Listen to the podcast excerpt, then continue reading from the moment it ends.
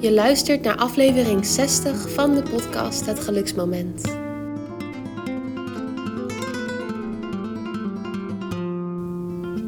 Herken je dat? Dat gevoel van, oh, mij overkomt het allemaal weer hoor.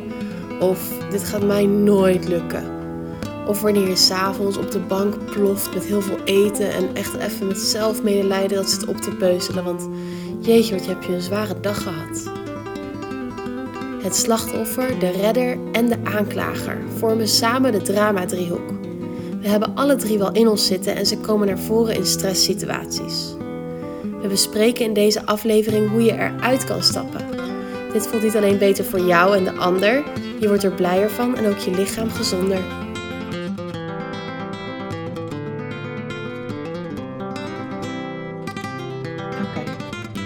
Nou, eh, dan gaan we zo beginnen. Ja. Ja, we zijn al begonnen eigenlijk, hè? We zijn al begonnen, hè, lieve schat. Goedemiddag. Goedemiddag. Hi. Wat leuk. Ik, eh, de luisteraar kan het natuurlijk niet, maar ik kan jou lekker live zien. Dat vind ik helemaal heerlijk. Dus eh, nou, leuk om je te zien. We gaan weer een mooi onderwerp behandelen vandaag, wat, wat weer gaat over zelfgenezing. Nou, luisteraar, enorm welkom bij deze podcast. Door, eh, door mijn dochter en door mij. Eh, ik ben Lanke Broeders, natuurgeneeskundige en ik heb een methode voor zelfgenezing ontwikkeld. En die zijn Nieke en ik steeds eh, aan het behandelen, eh, of eigenlijk onderwerpen aan het behandelen tijdens onze podcast. En nou, daar proberen we een, nee, daar maken we een dynamisch geheel van. Waar gaan we het vandaag over hebben, Niek? Ja, vandaag gaan we het weer eens hebben over een onderwerp, joh. Ehm, eigenlijk weet ik er niet eens zo heel erg veel van. Dus misschien moet jij even beginnen zo, want we gaan het hebben over de drama-driehoek. Of slachtoffer. Nee, hoe heet dat nou? Ja, nou ja, het is inderdaad het, eh, het drama-driehoek waarin je dus ook slachtoffer bent. Maar het is misschien wel heel goed om, eh, om eerst, eh, want ja, voordat de luisteraar zegt eh, drama-driehoek, misschien heb je er al wel van gehoord, misschien nog helemaal niet. Ehm, maar we- komen er eigenlijk op, ehm, als jij vaak het gevoel hebt dat je in een gesprek niet verder komt, kan op je werk zijn, kan ook privé zijn, dat je vaak eh, patronen hebt die zich herhalen, van goh, of dat je het gevoel hebt dat je in je eigen valkuil terechtkomt. Of ehm dat kunnen we ook zo heerlijk in, de- tijdens familiebijeenkomsten hebben. Nou ja, vakantie doe je ook vaak met je eigen gezin. Kunnen er ook allerlei patronen herhalen en weer eens langskomen. Kortom, volgens mij is eh, deze vakantietijd eh, het moment eh, bij uitstek om de drama-driehoek te behandelen. Ja, en om het even mooi te illustreren, wat is nou eigenlijk slachtofferrol? Dat heb je misschien wel vaker gehoord. Het is een heel groot onderdeel van deze drama-driehoek. Iemand die in zijn slachtofferrol gaat zitten. Nou, dat gebeurde vanochtend echt heel mooi. Want mijn vriend en ik hebben nu al een paar weken lang een Rummy Cup sessie lopen. Waarin het nu 23-13 voor mij staat, geloof ik. Ja, en eh, nou ja, dan pakken we altijd eerst één steen zo blind. Om te kijken wie er mag beginnen. En ik had natuurlijk weer het hoogste, dus ik mocht natuurlijk weer beginnen. Eh, en dan zat, zat hij zo naast me van, nou ja hoor, dit begint al goed. Kijk, nu ga ik wel helemaal niet meer winnen. Je hebt weer het hoogste steen, mag jij weer beginnen? Nou jongens, dit is dus een heel mooi voorbeeld van slachtofferrol. Ja, en dat vind ik met een spelletje wel heel erg leuk. Vind ik ook heel herkenbaar trouwens. Als ik met je vader een spel speel, dan zeg ik meteen in het begin... Ja hoor, ik ga, ik, ik, ik ga, jij, gaat weer winnen vandaag. Dan zegt hij, ja, maar jij hebt gisteren toch gewonnen? Dan denk ik, oh ja, dat waar ook. Dus, ja, dus je, je hoofd is al voorgeprogrammeerd op... ehm, nou ja, dat gaat wel niet lukken of zo, hè. Dat is, eh, dat is drama inderdaad. En dan ben je ook slachtoffer. Slachtoffer is lijden met een lange ei. En eh, dat hoeven we vaak niet te herkennen. Maar je herkent wel zinnen als: eh, Jij begrijpt me toch niet. Ja, jij hebt makkelijk praten. Ik kan er niets aan doen. Dat zijn allemaal zinnen die bij, die bij slachtoffer horen. En als we het over drama-driehoek hebben, dan hebben we het over drie verschillende rollen die je kunt aannemen. Nou, slachtoffer. Weet jij de andere twee, Niek? Nee, die weet ik dus niet. Nee. Slachtoffer, redder of aanklager. Ah, interessant. Ja, en slachtoffer is dus wel leuk dat we daarmee beginnen, want dat is dus ook heel duidelijk niet handig. Want je zei net al van ja, vaak als je dan in je slachtofferrol zit van nou, nu ga ik wel helemaal niet meer winnen. Eh, ja, dan win je dus inderdaad ook niet. Dus daar is het ook een heel duidelijk wat we hier in deze aflevering eigenlijk, wat we hiermee willen. Want als je veel in je slachtofferrol zit, ja, dan roep je ook eigenlijk de onheil over jezelf af. Ja, dat is natuurlijk voor heel veel mensen heel vreemd om te horen. Waar, waarom uh, roep je als slachtoffer überhaupt de onwel, onheil over jezelf af? hebben we daar al een keer een podcast over gemaakt, Nieke? Ja, we hebben wel een paar keer inderdaad over, over gehad hoe dat dan werkt, inderdaad. Als je ergens al negatief in staat, dat je dan eigenlijk ook uh, vanzelf minder gaat zien om je heen. Je ziet minder de kansen liggen. Je wordt letterlijk slechter in het spelletje, omdat je al denkt dat je het niet kan. Ja, dan, dan lijkt je gewoon minder te zien of zo, wat er eigenlijk allemaal om je heen ligt. En uh, als je met veel zelfverzekerdheid ergens ingaat, dan zie je alternatieve wegen. Um, ja, sowieso met meer zelfverzekerdheid uh, gaan bijvoorbeeld ook motorische dingen vaak veel beter. Weet ik veel, een bal gooien of zo. Probeer het maar eens. Van deze bal, die, die kan ik echt niet in die prullenbak gooien. Nou ja, dan lukt het ook niet. En als je echt het gevoel hebt van, oh, dat kan ik gewoon. Nou, dan kom je opeens veel dichterbij. Dus uh, daar hebben we het al een paar keer over gehad, ja. Ja, dat is grappig hè. Als, ik dan, als we nog even in die, in, in die, in die spelletjes voor, voorbeelden blijven. Er is ook zo'n geweldig leuk spel, keer op keer twee. En dan kan je ook een hartjesdobbelsteen gooien. En dat is een hele fijne dobbelsteen. En inderdaad, het moment dat ik in mijn lijdensrol zit, van lange ei Van uh, ik zal wel weer niet winnen. Dan zie ik dat hartje gewoon niet liggen als ik het gegooid heb. Dus je kijkt letterlijk ja, oplossingen of kansen over het hoofd als je negatief gestemd bent. Ja, nou ja, reet onhandig dus. ja, dus positief gestemd zijn laat je inderdaad meer openstaan. Dat is dan even in mijn taal openstaan naar nieuwe mogelijkheden, naar andere oplossingen, naar nieuwe ideeën, naar inspiratie. Ja, en daar word je gewoon blij van. Dus het is een fantastisch onderwerp voor onze podcast, het geluksmoment. Maar het heeft ook een relatie met je gezondheid. Kan jij die toelichten?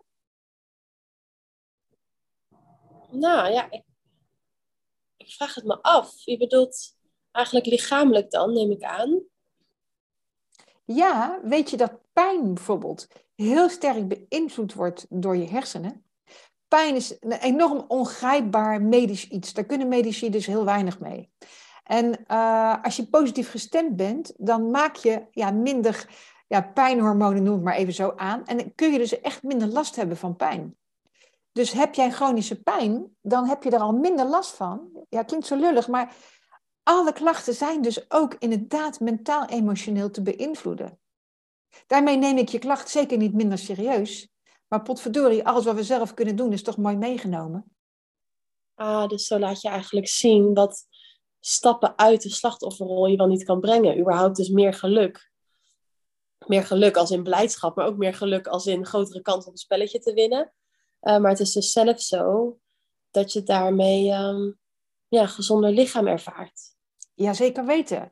En als we dan naar de nieuwste visie op gezondheid kijken van uh, Machteld Huber, wat uh, ja, voor heel veel huisartsen nu wel, dat is nog niet helemaal, ze kunnen er nog niet goed mee werken in de praktijk, vind ik, maar ja, ze hebben het wel te pakken. Hè. De RIVM draagt het ook uit.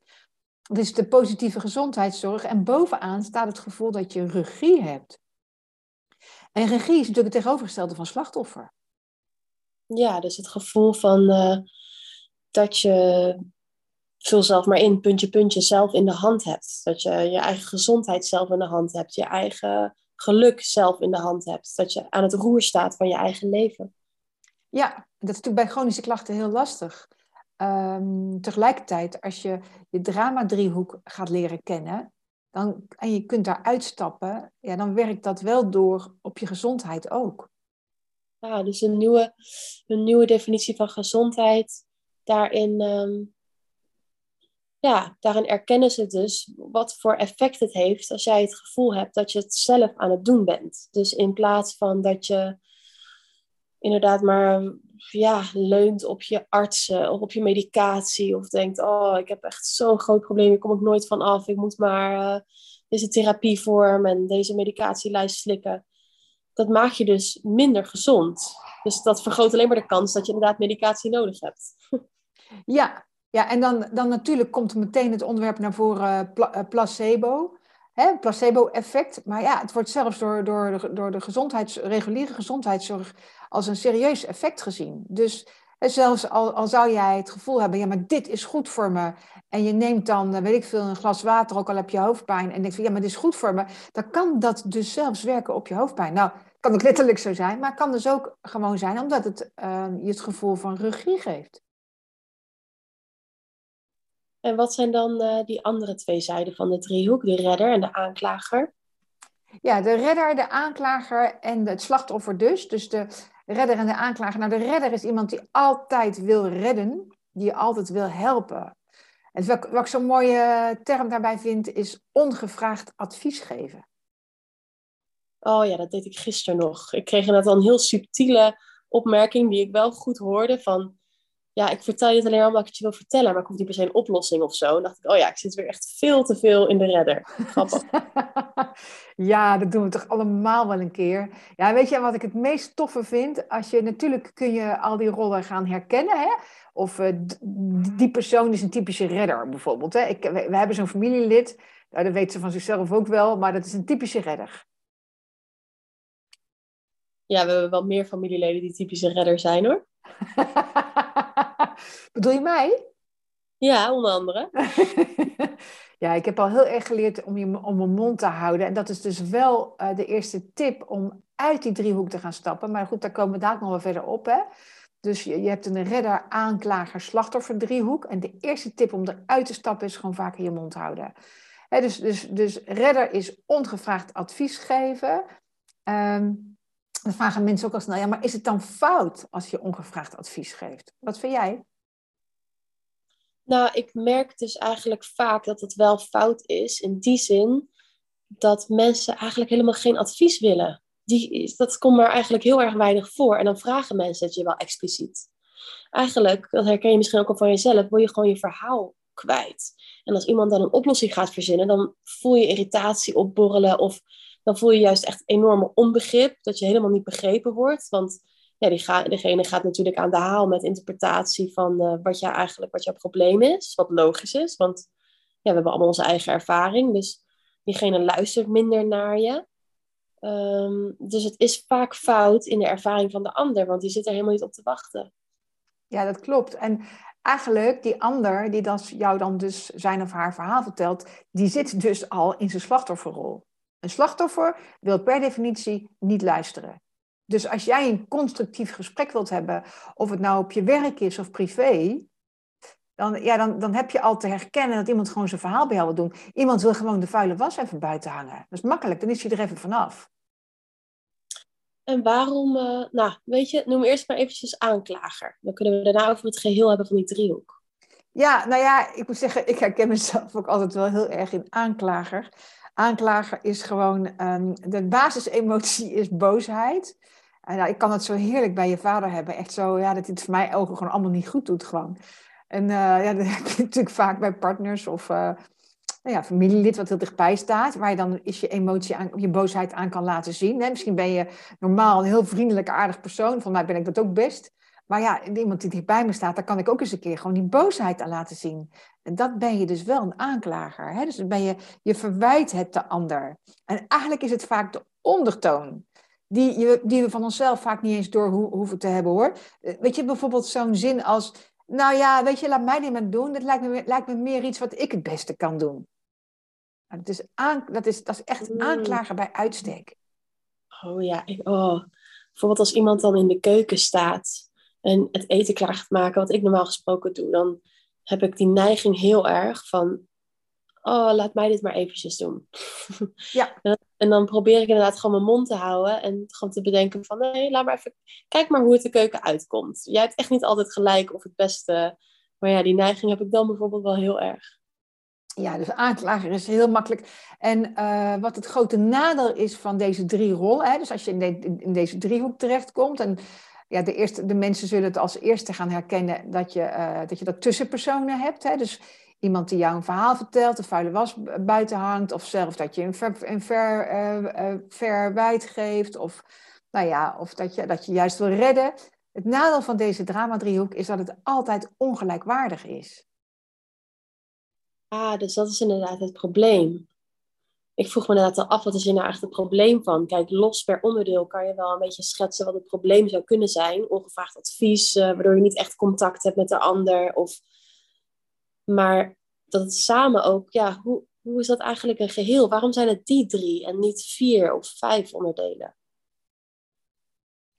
Ik kan alleen maar zeggen hoe hoe ik daarnaar kijk vanuit het mens zijn, uh, dan kom ik op een heel ander onderwerp uit. Dus dat, dat doe ik dadelijk wel. Maar laten we nog heel eventjes kijken naar uh, de ongezondheid van deze, uh, van deze relatie. Hè? Dus waar leidt dat naar en, en waardoor merk je het nou? Dus dus um, nou, als de ander niet open staat voor jouw ideeën, dan is het, zit er al iets in die. Dan ben je al in die relatie aan, aan het knoeien. Dan heb je, zonder dat je het weet, zit je al in die in die drama-driehoek. Dus als er niet open staat, als je geen contact voelt, uh, als je irritatie voelt. Uh, ja, misschien dat dat wel de drie belangrijkste uh, kenmerken zijn. Oh ja, als je je eh, ongelijkwaardigheid, dan voelen mensen ook wel eens van, ja, jeetje, die heeft altijd het gevoel dat, dat die beter is. Dus dan hebben we al een paar van dat soort um, ja, elementen van, nou, dan merk je, daar merk je aan dat, het, dat je erin zit ja, dan moet ik heel erg denken aan die neiging die ik vaak heb, maar ook mensen om me heen. Om, um, ja, om als iets wordt gezegd, bijvoorbeeld over, um, weet ik veel, iets technisch misschien wel, van dit, het zus en zo werkt zo. En dat jij dan echt een neiging hebt om te zeggen, nee hoor, dat werkt helemaal niet zo. Dat werkt eigenlijk zus en zus en zo, hier en hier en hierom. En dan ja, dan kan je misschien wel echt wel gelijk hebben. Uh, maar soms is dat niet eens zo per se, maar voel je toch heel erg die neiging om dat zo te zeggen alsof je gelijk hebt. Weet je dan een beetje waar ik het over heb? Ja, ik, ik zit even te dubben of ik dat, of ik dat nou de drama-driehoek vind. Nou ja, ik denk dan eigenlijk wel dat jij uh, het gevoel hebt dat die ander uh, te veel gelijk heeft, dat hij misschien wel boven je gaat staan. Klopt dat of niet? Nee, helemaal niet. Wat Gewoon dan? Echt, uh, echt het gevoel dat ik, dat ik zelf dan gelijk heb eigenlijk. Ja, dus dat ik het beter kan, in, bij wijze van spreken. Ja, ja, dan ben je misschien weer de aanklager. Ja, misschien wel. En dan zie je dus inderdaad van ja, interessant om deze drama-driehoek te herkennen. Want het is niet prettig om met een ander in zo'n ongelijkwaardige situatie te zitten. Vooral voor degene die dan onder je komt te staan. Of als jij diegene bent, is dat natuurlijk meteen een onprettige ervaring. Maar voor jou in principe ook, want je schiet, je schiet eigenlijk in een stressreactie van jezelf. Ik denk ook als je bijvoorbeeld ongevraagd advies gaat geven, dan zit je eigenlijk in stress. Want je bent heel erg bezig met hoe kan ik dit oplossen, hoe kan ik dit oplossen. Ja, waar komt die neiging überhaupt vandaan? Je bent dan ook niet ontspannen op zo'n moment. Je laat het niet gewoon zijn. Waarom wil je dat oplossen? Ja, het is hartstikke tof dat je dit zo uh, aanvliegt, dat je dit zo uitlegt. Want dan snap je ook dat het eigenlijk een stressreactie is, die drama-driehoek. Hè? Dus uh, wat, ik, wat, ik, net al zei, die drama-driehoekje komt, eh, een slachtofferrol maakt bepaalde hormonen vrij, waardoor pijn erger wordt. Dus dat is een manier waarop het op gezondheid doorwerkt. Tegelijkertijd, omdat het ook een stressreactie is, um, ja, werkt het dus ook op gezondheid door. En te vaak in je drama-driehoek zitten, kan dus zelfs chronische of andere klachten laten ontstaan. Want stress, ja, dat is de oorzaak van heel veel uh, fysieke, mentaal-emotionele klachten. Grappig. Dus jij herkent je vooral eigenlijk in de aanklager dan? Nee hoor, ik herken me in alle drie. En dat is het volgende onderwerp wat ik hierin wil, uh, in wil pakken. Van, mm, nou, heel tof als je, als je in je omgeving hè, mensen kunt gaan herkennen die in de een of de andere rol uh, uh, terechtkomen. Dat je zegt, nou ja, die rol heeft die vooral, dat je bepaalde mensen voor je gaat zien. En dat kan natuurlijk ook aan de hand van die zinnen die we net ge, genoemd hebben. Hè, slachtoffer, je begrijpt me toch niet, makkelijk praten of ongevraagd advies, dat, dat is dan de redder. En de aanklager die altijd wat, wat boosheid of kleineren of wat aan het verwijten is. Hè? Of ik, kan, dat, denk dat, dat, dat hij het beter kan. Maar uh, als je een stapje verder gaat en je hebt dat allemaal in je omgeving wel een beetje herkend, dan ga ik er eigenlijk voor pleiten dat we, of ga ik ja, pleiten, ga herkennen dat je ze alle drie in jezelf hebt zitten. Ja, dat, uh, ik vind het wel een heel verhelderende podcast. Want ik heb eigenlijk wel van die drama-driehoek gehoord, maar ik heb nooit begrepen hoe die echt in elkaar stak. En dit is echt iets waar ik nog nooit eigenlijk bij mezelf bij heb stilgestaan. Ja, het is heel tof als je dat, als je dat gaat doen. En um, ik moet zeggen, het, het kan best heel lang duren voordat je ze allemaal gaat herkennen. Um, en dan ga ik ook, misschien wel leuk om een voorbeeld te geven nu van een mentaal-emotionele klacht die, die op die manier behandeld is in mijn praktijk. Hè? Ik heb een, ik heb een cliënt en die, die had een enorme ehm, last van depressies. En ehm, op een gegeven moment gingen we dat natuurlijk gingen dat een beetje ontrafelen op, op, op, op drie verschillende vlakken. Dus fysiek, mentaal, emotioneel, maar ook spiritueel. Zo noem ik het maar even, zingeving. En kijken hoe, hoe dat allemaal werkt. En toen kwamen we er eigenlijk achter dat, ja, dat hij een hele dominante vader heeft gehad. En dat hij die stem nog steeds in zijn hoofd hoort. Dus ah, hij kan ook zeggen, nou, de, de, de, de aanklager als het, als, het, uh, als het ware. Maar ik laat, dat, laat die terminologie eventjes los. En zeg ik, nou, hij heeft altijd een dominante vader, hè? Uh, dominante stem in zijn hoofd. Dus hij was eigenlijk altijd slachtoffer. Dus toen ging hij dus, ja, aanklager en slachtoffer ging hij dus wel, wel her, her, herkennen. En dat duurde wel even. Hè? Maar ik zei van, ja, uh, ik werk in de praktijk ook met bachbloesems. En bachbloesems zijn eigenlijk kruiden die je meer in balans brengen. En er is bijvoorbeeld een bachbloesem die gaat over dominantie. Of um, als ik iets anders aanvlieg, dan zeg ik macht en onmacht. Machteloos of machtig zijn. En als een bachbloesem brengt balans, dat betekent dat hij eigenlijk allebei de kanten van die medaille in zich heeft. Nou, wat je vader gisteren slim opmerkte, misschien heeft de medaille wel drie kanten, maar hè, macht en onmacht. En ik zeg eigenlijk drie, want je hebt ook nog een toeschouwer. Dus, je, dus als jij echt helemaal in balans wil komen met een eigenschap van je, of met. En die man heb ik helemaal uit de depressie geholpen door hem eerst te laten zien dat, hij, dat zijn dominante vader een rol speelde. Dat hij de slachtoffer was. Maar ja, als jij slachtoffer bent, dan heb je ook die andere kant in je zitten. Dus waar was hij dan dominant? En waar was hij dan kritisch? Nou, dat is inderdaad, hè, dat is de andere kant, de criticus als het ware. Nou, dat is dus de aanklager. Maar je hebt, hij heeft ook nog, als je daarnaar gaat kijken, dan komt hij eigenlijk op de derde stoel terecht. En dan kan hij dus die andere rollen heel erg goed gaan zien. En dan duurde best een tijd voordat hij die derde rol, voordat die derde stoel als het ware te pakken kon krijgen. En om die andere rollen heen kon lopen.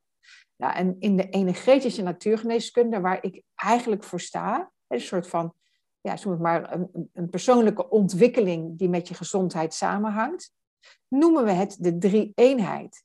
Dus dan heb je het over ja, de, de dader, slachtoffer, redder, dat is, maar dan de positieve kanten ervan.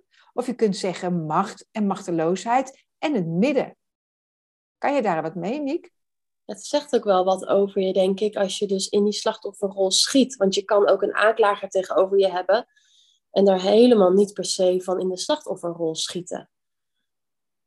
Want ja, de slachtofferrol is dus echt dat je soort van in je eigen medelijden, uh, klinkt dan heel negatief. Soms kan slachtofferrol misschien ook heel fijn zijn even. Is dat precies wat je nodig hebt? Lucht het enorm op om even helemaal die drama te voelen en eventjes neer te leggen bij iemand of zo. En dan kan je daarna weer heel makkelijk uitstappen, want dan heb je het even verwerkt op die manier.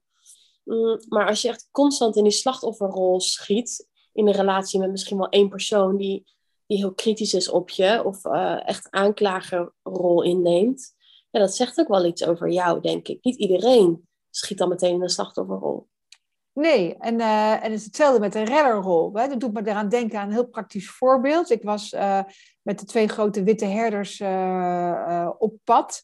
En nou ja, ik was met de, we waren met de auto op pad. En toen we daar aankwamen, nou, toen, toen, toen, toen vloog de, de, de, de, de jongste die vloog de auto al uit voor ik hem aan de riem had kunnen doen. En die vloog zo naar een andere hond toe. Nou, je vader in de stress. Lanke, nu! En eigenlijk hoorde ik daarachter het woordje helpen. Maar ja, uh, ik zie die hond zo gaan. Hartstikke blaffend. Ja, ik kan me voorstellen dat je vader schrikt. Want het is ja, sociaal bezien gewoon niet handig als je een blaffende hond op je afkrijgt. En mensen denken, het is vals of zo, weet ik veel wat. Maar ja, ik beoordeel dat en denk, ja, zo snel kan ik niet ingrijpen. Laat ik vooral rustig blijven. Dan luistert hij ook veel eerder. Dus ik blijf rustig en heel ontspannen. roep ik, ja, kom maar. En uh, toen kwam die hond, uh, onze Jake, alweer snel naar me toe. Dus, dus ik had ook in mijn helperrol kunnen schieten. En dat had ik vroeger altijd gedaan. Dus het vergt echt wel bewustwording. En door bewustwording kun je dan een andere keuze gaan maken, een andere houding gaan innemen. En uh, ja, meer in het midden blijven staan, zeg maar. Ja, het is verleidelijk om in die redderrol te gaan staan als iemand inderdaad in distress eigenlijk naast jou staat of tegenover jou. Zoals papa dan, die in de stress schiet en eigenlijk jou aankijkt van help hij zit dan even eigenlijk in het slachtofferstukje van die driehoek. En, en jij wil dan eigenlijk in je redderrol schieten, wat heel erg logisch is, want net dat allemaal wel geneigd zijn. Wat ik wel het mooie vind van deze drama-driehoek, is dus dat je daaraan kunt zien, ook aan dit voorbeeld, van nou, we vinden het logisch dat, hè, dat, dat je vader in dit geval, dat, dat, dat die in de stress zit. En, maar helper als stressreactie herkennen is best lastig. Maar nu weet je dus, ja, maar als, die, als, die, hè, als, als, als, je, als je vader in de slachtoffer zit en ik dan wil helpen, zou willen, willen helpen, zit ik dus ook in mijn stressrol. Ja, want het is dus niet wat per se het handigste is op zo'n moment, zoals je net ook laat zien. Het is vaak ook helemaal niet zo, want zoals ik ook al zei, uh, even de slachtofferrol helemaal toelaten in jezelf. Dat is ook vaak heel erg helend, want je laat het even helemaal uh, alles de revue passeren. Je kan het helemaal verwerken. Ja, dan zit je niet te wachten op iemand die je dan allemaal lekker advies gaat geven. Nee, je wil gewoon even lekker slachtofferrol, alles er lekker even uit. Nou, hè, hè, dat lucht op ja, dan wil je niet iemand tegenover je die dan even de redder gaat zitten spelen. Nee, je wil gewoon even lekker verwerken. Ja, dat is dan wel een, inderdaad een, een, een andere tip, juist om uit die, uh, uit die dra drama-driehoek te komen, is om als je voelt dat je in zo'n slachtoffer terechtkomt, laat hem ook gewoon, laat hem of haar ook gewoon even zijn. Dus eh, ga niet op zoek naar de oplossing. En, uh, en dan is het inderdaad heel slim als je tegen de ander zegt: Ik hoef geen oplossing, ik wil gewoon even slachtoffer zijn. Ja, want je kan natuurlijk wel de anderen een beetje bij helpen, inderdaad. Ja, gewoon inderdaad gewoon heel expliciet zeggen van uh, dat je echt geen oplossing of advies wil. Ja, precies. Dus dan, en, en dan stap je er op, op die manier weer een stuk makkelijker uit. Ja, dus, dat, dus die zin is het gewoon ja, onwijs toffe ja, begrip en methode, denk ik, om, uh, ja, om, om naar je gezondheid te kijken weer op een nieuwe manier. Hè? Maar ja, begin met je omgeving. Wie, wie is in jouw ogen de aanklager of de redder of, um, of slachtoffer? Ja, het is natuurlijk altijd dynamisch, hè? dus per situatie dan een afhankelijk. En misschien dat je altijd een neiging hebt tot één van de drie het meest of zo, maar in een stresssituatie. Ik moet dan wel heel erg denken aan wat er vorige week gebeurde met papa. Die, um, we hadden allemaal pizza's gemaakt en hij, uh, hij, hij kan gluten eten. Ja, daar krijgt hij heel veel pijn in zijn darmen van. En hij vindt zichzelf nogal vaak zielig. Nou ja, weet je, dan komt weer de reactie van ja, dat is ook heel erg logisch. Want hij kan ook heel vaak niet meedoen met ons eten en hij mist veel. Dus het is ook logisch dat hij dan, dat dan zielig voor zichzelf vindt. Nou, had hij dus een glutenvrije pizza gemaakt. Toen hadden de honden die ook nog eens een keer opgegeten stiekem. Dus nou, die zat echt helemaal te balen. Echt ik kan, niet, ik kan geen situatie schetsen waarin een slachtofferrol duidelijker, ja, duidelijker naar voren komt eigenlijk. Dit was echt het meeste slachtofferrol wat je in je omgeving kan zien. Papa, die daar even stond te balen van, hebben ze ook nog eens een keer mijn glutenvrije pizza gegeten. Nu heb ik helemaal niks meer wat lekker is. Ja, ik vond hem wel heel mooi, want er lagen dus twee pizza's hoog. Hè? Er lagen twee pizza's hoog naast elkaar. Eentje met tarwe en eentje dus met gluten, uh, glutenvrij, hè? eigenlijk voor de volgende dag. En dan hadden ze nou net precies zijn pizza uitgekozen. Ja, die hond, uh, die, jongste hond van ons, die kan met zijn voorpoten. Die is gewoon een razend groot beest. Dus die had hem inderdaad te pakken gekregen. Dus ja, ook nog eens een keer net die van hem uitgekozen. Ja, nou ja, dat is natuurlijk ook inderdaad echt helemaal vreselijk. Ja, ja ik moest er wel erg om lachen, ja. Ja, en natuurlijk kan je het slachtofferrol ook super goed merken met, met eten op een andere manier. Bijvoorbeeld uh, als je even helemaal in je emotie eten zit, dan kan je soms ook even in je drama zitten van wat een zware dag heb ik toch gehad. Nou, even chocola hoor, even lekker eten, even lekker filmpje, want wow, wat een heftige dag. Ja, dat is dan op zo'n moment ook niet ongezond of zo. Want slachtofferrol, dat hebben we nu een beetje naar voren gebracht als problematisch. Maar ja, dat is op zo'n moment dan ook echt even wat je nodig hebt misschien na zo'n pittige dag waarvan je veel, waarin je veel van jezelf hebt gevraagd. Ja, nou ja, gezonder worden begint of staat bij bewustzijn. Daarom is het ook zo tof dat het eigenlijk een persoonlijke ontwikkeling is. Want als jij je bewust bent dat je daar voor de tv hangt of, uh, of uh, achter je scherm hangt omdat je zo'n zware dag hebt gehad en je die pizza onderhand bereikt hebt of een stuk chocola of een glas wijn, kan mij het schelen wat, wat het allemaal precies is. Maar op dat moment kun je ervan genieten, van ik heb dit nodig. Dan is het dus balans brengen. En, uh, En natuurlijk, hè, wil je dan nog gezonder of nog gelukkiger of nog ontspannender worden, dan is het goed, goed gaan voelen, ja, waarom heb je het verdiend? En kan, het, kan daar iets in veranderen? Hè? Is het niet vandaag, maar dan misschien morgen? Hè? Maar, maar op dit moment zelf is het wel iets wat je balans brengt. En uh, ja, balans brengen is altijd gezond. Ja, dat, ja, je zegt dus inderdaad nu wel heel goed van daarvoor moet je dus wel het bewustzijn ook hebben. Want als je dat op zo'n moment niet hebt, dan ben je ook minder, breng je er ook minder balans mee? Ja, nou ja, daarom raad ik natuurlijk elke luisteraar mijn, mijn boek aan Gezonde Voeding bestaat niet. Uh, ondertitel Kleiner is gezond voeden wel. Omdat um, uh, ja, inderdaad, ja, we, we, mogen dan vaak van onszelf weer niet eigenlijk dat emotie eten doen. Dan krijgen we schaamte of, of, of, of schuld, wat er, wat er weer voor pleit om het lekker snel op te eten en je er onbewust van uh, zijn. Ja, en dat houdt je juist in je oude gedrag. Dus uh, bewust dat stuk chocola eten en ook echt weigeren om het achter elkaar uh, op te eten, maar onbewust, maar wel bewust gewoon het te eten. Ja, dat brengt weer, ja, misschien wel liefde voor jezelf uiteindelijk, hè? Omdat, je dat, omdat je dat jezelf gunt. Ja, en daarmee dus ook erkent dat je inderdaad veel van jezelf hebt gevraagd. Dus dat is ook liefde naar jezelf natuurlijk.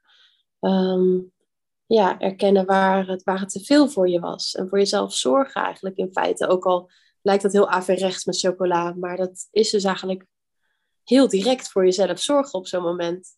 Ja, ja ik zou het ook heel tof vinden als je dan zegt van... Goh, dan ga ik, ga ik morgen op, ik ga een keer weer even nadenken. Want als ik het, als ik het zo nodig heb, dan heb ik het, als ik het zo heb ver, verdiend, wat heb ik dan in vredesnaam vandaag precies gedaan? Wat heb ik me laten gebeuren?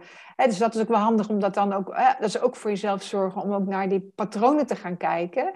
Maar dat komt daarna wel weer. Hè? Het begint of staat met het bewustzijn en het gunnen aan jezelf.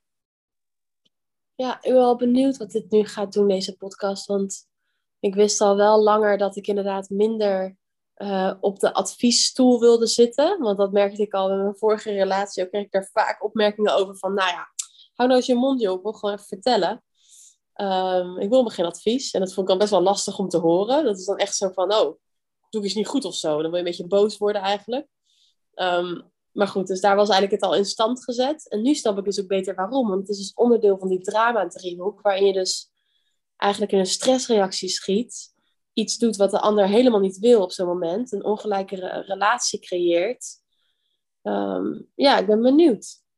Ja, en ik had, ik had pas nog een, uh, iemand, iemand binnen, een cliënt binnen, die uh, een eigen bedrijf heeft en een heel aantal werknemers in dienst.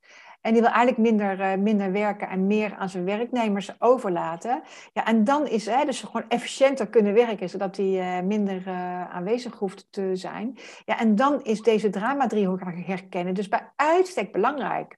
Want als jij um, het steeds um, doet voor je werknemer, ja, dat, dat werkt niet. Dus hoe, hoe, hoe zorg je dat je echt minder werk op je hals haalt? Dat is juist die werknemer dingen zelf laten doen en constant jezelf de vraag stellen: Ehm, hoe kan ik helpen zonder te helpen? dus hoe kan, ik, hoe kan ik aanwezig zijn en hoe kan ik het de ander laten doen zonder dat ik zelf, ik heb daar eigenlijk moet zeggen, al een paar cliënten in gehad, of, eh, met die vraag eigenlijk gehad, of onbewuste vraag, want we hebben dat vaak niet door. En we hebben wel vaak door, ik heb te veel werk, maar we hebben niet door, ja, hoe, hoe geef ik het uit handen? En dat is natuurlijk eigenlijk dezelfde vraag. En hoe geef ik het uit handen betekent niet dat jij alles los hoeft te laten, maar betekent wel dat je meer op de achtergrond aanwezig mag zijn. En dat betekent dus ook dat je uit die driehoek wil stappen, want je wil wel aanwezig zijn, maar je wil niet meer overdreven helpen. Dat is wel interessant. We hebben daar nog niet echt goed over gehad, heb ik het gevoel van. Dus inderdaad, anderen willen helpen. Dat is ook onderdeel van deze drama-driehoek. En heeft dus ook iets problematisch, quote-unquote, in zich. Ik herken dat wel. Sommige mensen om mij heen zijn echt helpers. En dan voel ik me daar heel erg egoïstisch bij afsteken. Want ja, ik ga echt niet zomaar iemand helpen met, uh, met klussen of zo heel overdreven. Oh ja, maar diegene is zo zielig. Want die moet het allemaal alleen. Ja, ik denk, ja, ben ik dan zo egocentrisch dat ik dat niet wil? Uh, die vraag heb ik me wel gesteld erg de afgelopen dagen. En, maar dat is dus in principe, die ander zit dan dus ook in het drama met dat helpen. Ja, en ik vraag me echt enorm af, als je op die manier gaat helpen, of dat, uh, of en hoe groot de positieve uitwerking is. Vooral op langere termijn. En uh, ik, ik, herinner me nog goed dat, uh, dat wij ooit gingen verhuizen, je vader en ik. En dat ik toen uh, ziek was. En dat toen uh, vrienden van mij plotseling kwamen helpen. Die, mijn vader, die jouw vader nog, nog niet eens kende. Die alleen mij kende. En die plotseling kwamen helpen. Gewoon alleen maar omdat ze het zelf wilden. Omdat ze het zelf leuk vonden. Fijn vonden. En ehm, ja, heel positief, constructief. Dat is natuurlijk de andere kant van helpen. Helpen is jezelf ook een beetje leiden. Zeg maar. Ik moet wel helpen, want die andere is. Maar positief constructief is, ik wil gewoon. Dat is weer die, weer die regie. En het is misschien wel uh, tien jaar geleden of vijftien jaar geleden, maar die positieve energie, die positieve vibe, heeft een enorme boost aan onze vriendschap gegeven. Ach, wat leuk om te horen. Ja, en dat is best wel lastig als je inderdaad van nature dus de helpreactie hebt in een stresssituatie. Want dat is wat het is. Hè? Je ziet iemand en je vindt diegene eigenlijk zielig. Je creëert bijna een slachtofferrol voor die ander of zo. En je wil hem heel graag helpen. Je zit dan dus eigenlijk in een stressreactie van jezelf. Ehm, ja, kan je dat verder uitleggen hoe dat dan precies? Ja, want het is een stressreactie aan, aan de ene kant. Ik weet niet of ik het helemaal goed uit kan leggen. Misschien wel maar aan de hand van het voorbeeld wat ik net gaf. Een stressreactie uh, laat je ook altijd jezelf een beetje verstoppen. Dus, uh, want dan heb je het redden, zet je namelijk voorop. Je zet jezelf niet voorop. Dus je bent minder authentiek. Dus die mensen, die, die vrienden, die, ik denk dat het wel 15 jaar geleden was, die, eh, die ons kwamen helpen omdat ze het echt graag zelf wilden. En dan voel je dus die positieve vibe. En je voelt dus van, jee, dat kwamen ze gewoon doen. En, ze, en dan laat, ze, ze lieten dus echt zichzelf zien. Van wij willen dit, wij doen dit. En no matter of Lanke er niet bij is, wij vinden het fijn om hier een aandeel in geleverd te hebben. Dan, en dan laat je dus echt een stukje van jezelf zien. Ook van je kwaliteiten trouwens. Want ze deden ook precies de dingen die zij wilden, die zij konden. Terwijl als je iemand gaat helpen omdat die ander, uh, ja, weet ik veel, in jouw ogen dat nodig heeft dan ga je misschien wel niet je beste kwaliteiten inzetten, maar dan ga je doen wat, je, wat jij denkt dat die ander nodig heeft. Dat is ook altijd zo heerlijk ingewikkeld, want ja, hoe, hoe weten we ooit wat die ander nodig heeft als er niet over gesproken wordt? Maar je gaat dus ook misschien je, beste kwaliteiten niet laten zien en je gaat dus ook jezelf niet laten zien. Leg ik het zo een beetje uit? Ja, precies. Ja, wat ik ook al zei, er gebeurt dan eigenlijk nog wat anders. Want je zet daarmee diegene ook als slachtoffer eigenlijk neer. Op de slachtofferplek van die driehoek. Dat doe je dan in principe ook. Want ehm, ja, daarom dat ik het bijvoorbeeld ook altijd heel erg fijn vind om te zeggen: ik heb geen hulp nodig, bedenk ik me nu. Want ik voel me dan een soort van in de slachtofferrol gezet worden. Dus daarom dat ik hulp altijd eerst afsla. En dan kijk ik wel of mensen het nog meer aanbieden omdat ze het zelf echt willen. En dan denk ik, oh ja, leuk, ja, kom maar. Maar het is niet prettig om geholpen te worden vanuit die redder, dat redderpatroon. Van, dat is ook helemaal niet prettig voor de ander. Plus inderdaad, ja, dan ga je inderdaad naar eigen inziens denken wat die ander nodig heeft, want die is zo zielig en moet geholpen worden. En ja, daar heeft die ander ook helemaal niks aan. De sfeer wordt daar ook niet fijn door. Uh, en dan kan je nog best wel eens gelijk hebben dat dan uiteindelijk ook wat er gebeurt. Er had veel meer kunnen gebeuren eigenlijk, efficiënt gezien, als iedereen gewoon die daar is, in ieder geval daar ook wil zijn vanuit zichzelf. Om egoïstische redenen en motivaties. Ja, want, want weet je hoe het is? Kijk, stel je voor dat je, dat je dus ergens gaat, gaat klussen en je zet dus die ander in een slachtofferrol neer omdat jij zelf vindt dat hij geholpen moet worden. Nou, hetzelfde bij een spelletje spelen, hè, dat, dat leidt dan vaak naar negatieve keuzes dan eh, als het ware stoot je de verf om. Of, uh, want je, je ziet het allemaal minder goed. Dus je staat minder in de kracht van jezelf, in de vitaliteit van jezelf.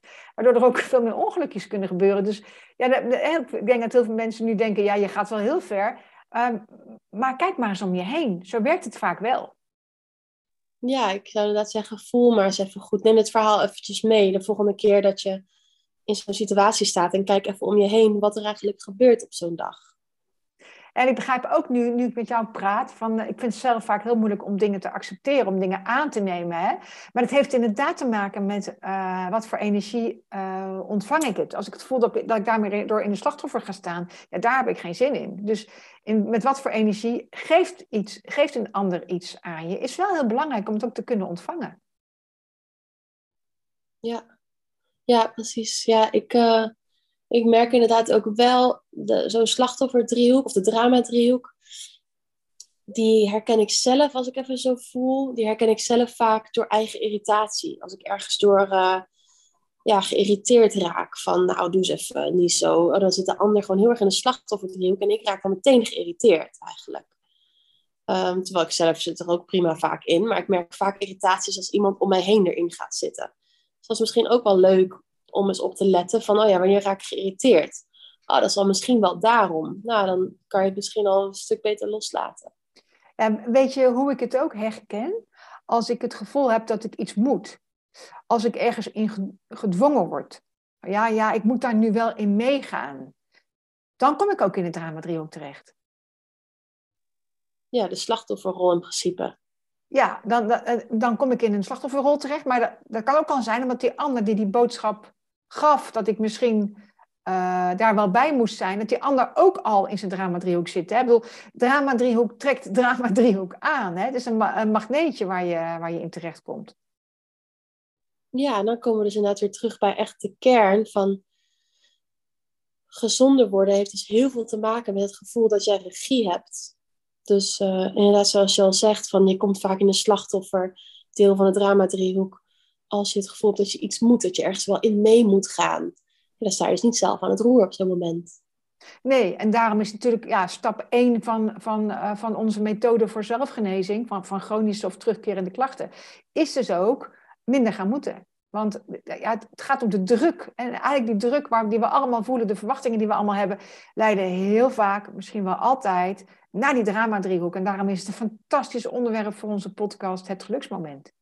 Ja, super interessant. Echt uh, ik ga dit wel meenemen de komende tijd. Meer dan andere onderwerpen nog, denk ik. Het is voor mij ook best wel nieuw om dit zo samen als driehoek te beschouwen en te herkennen, denk ik.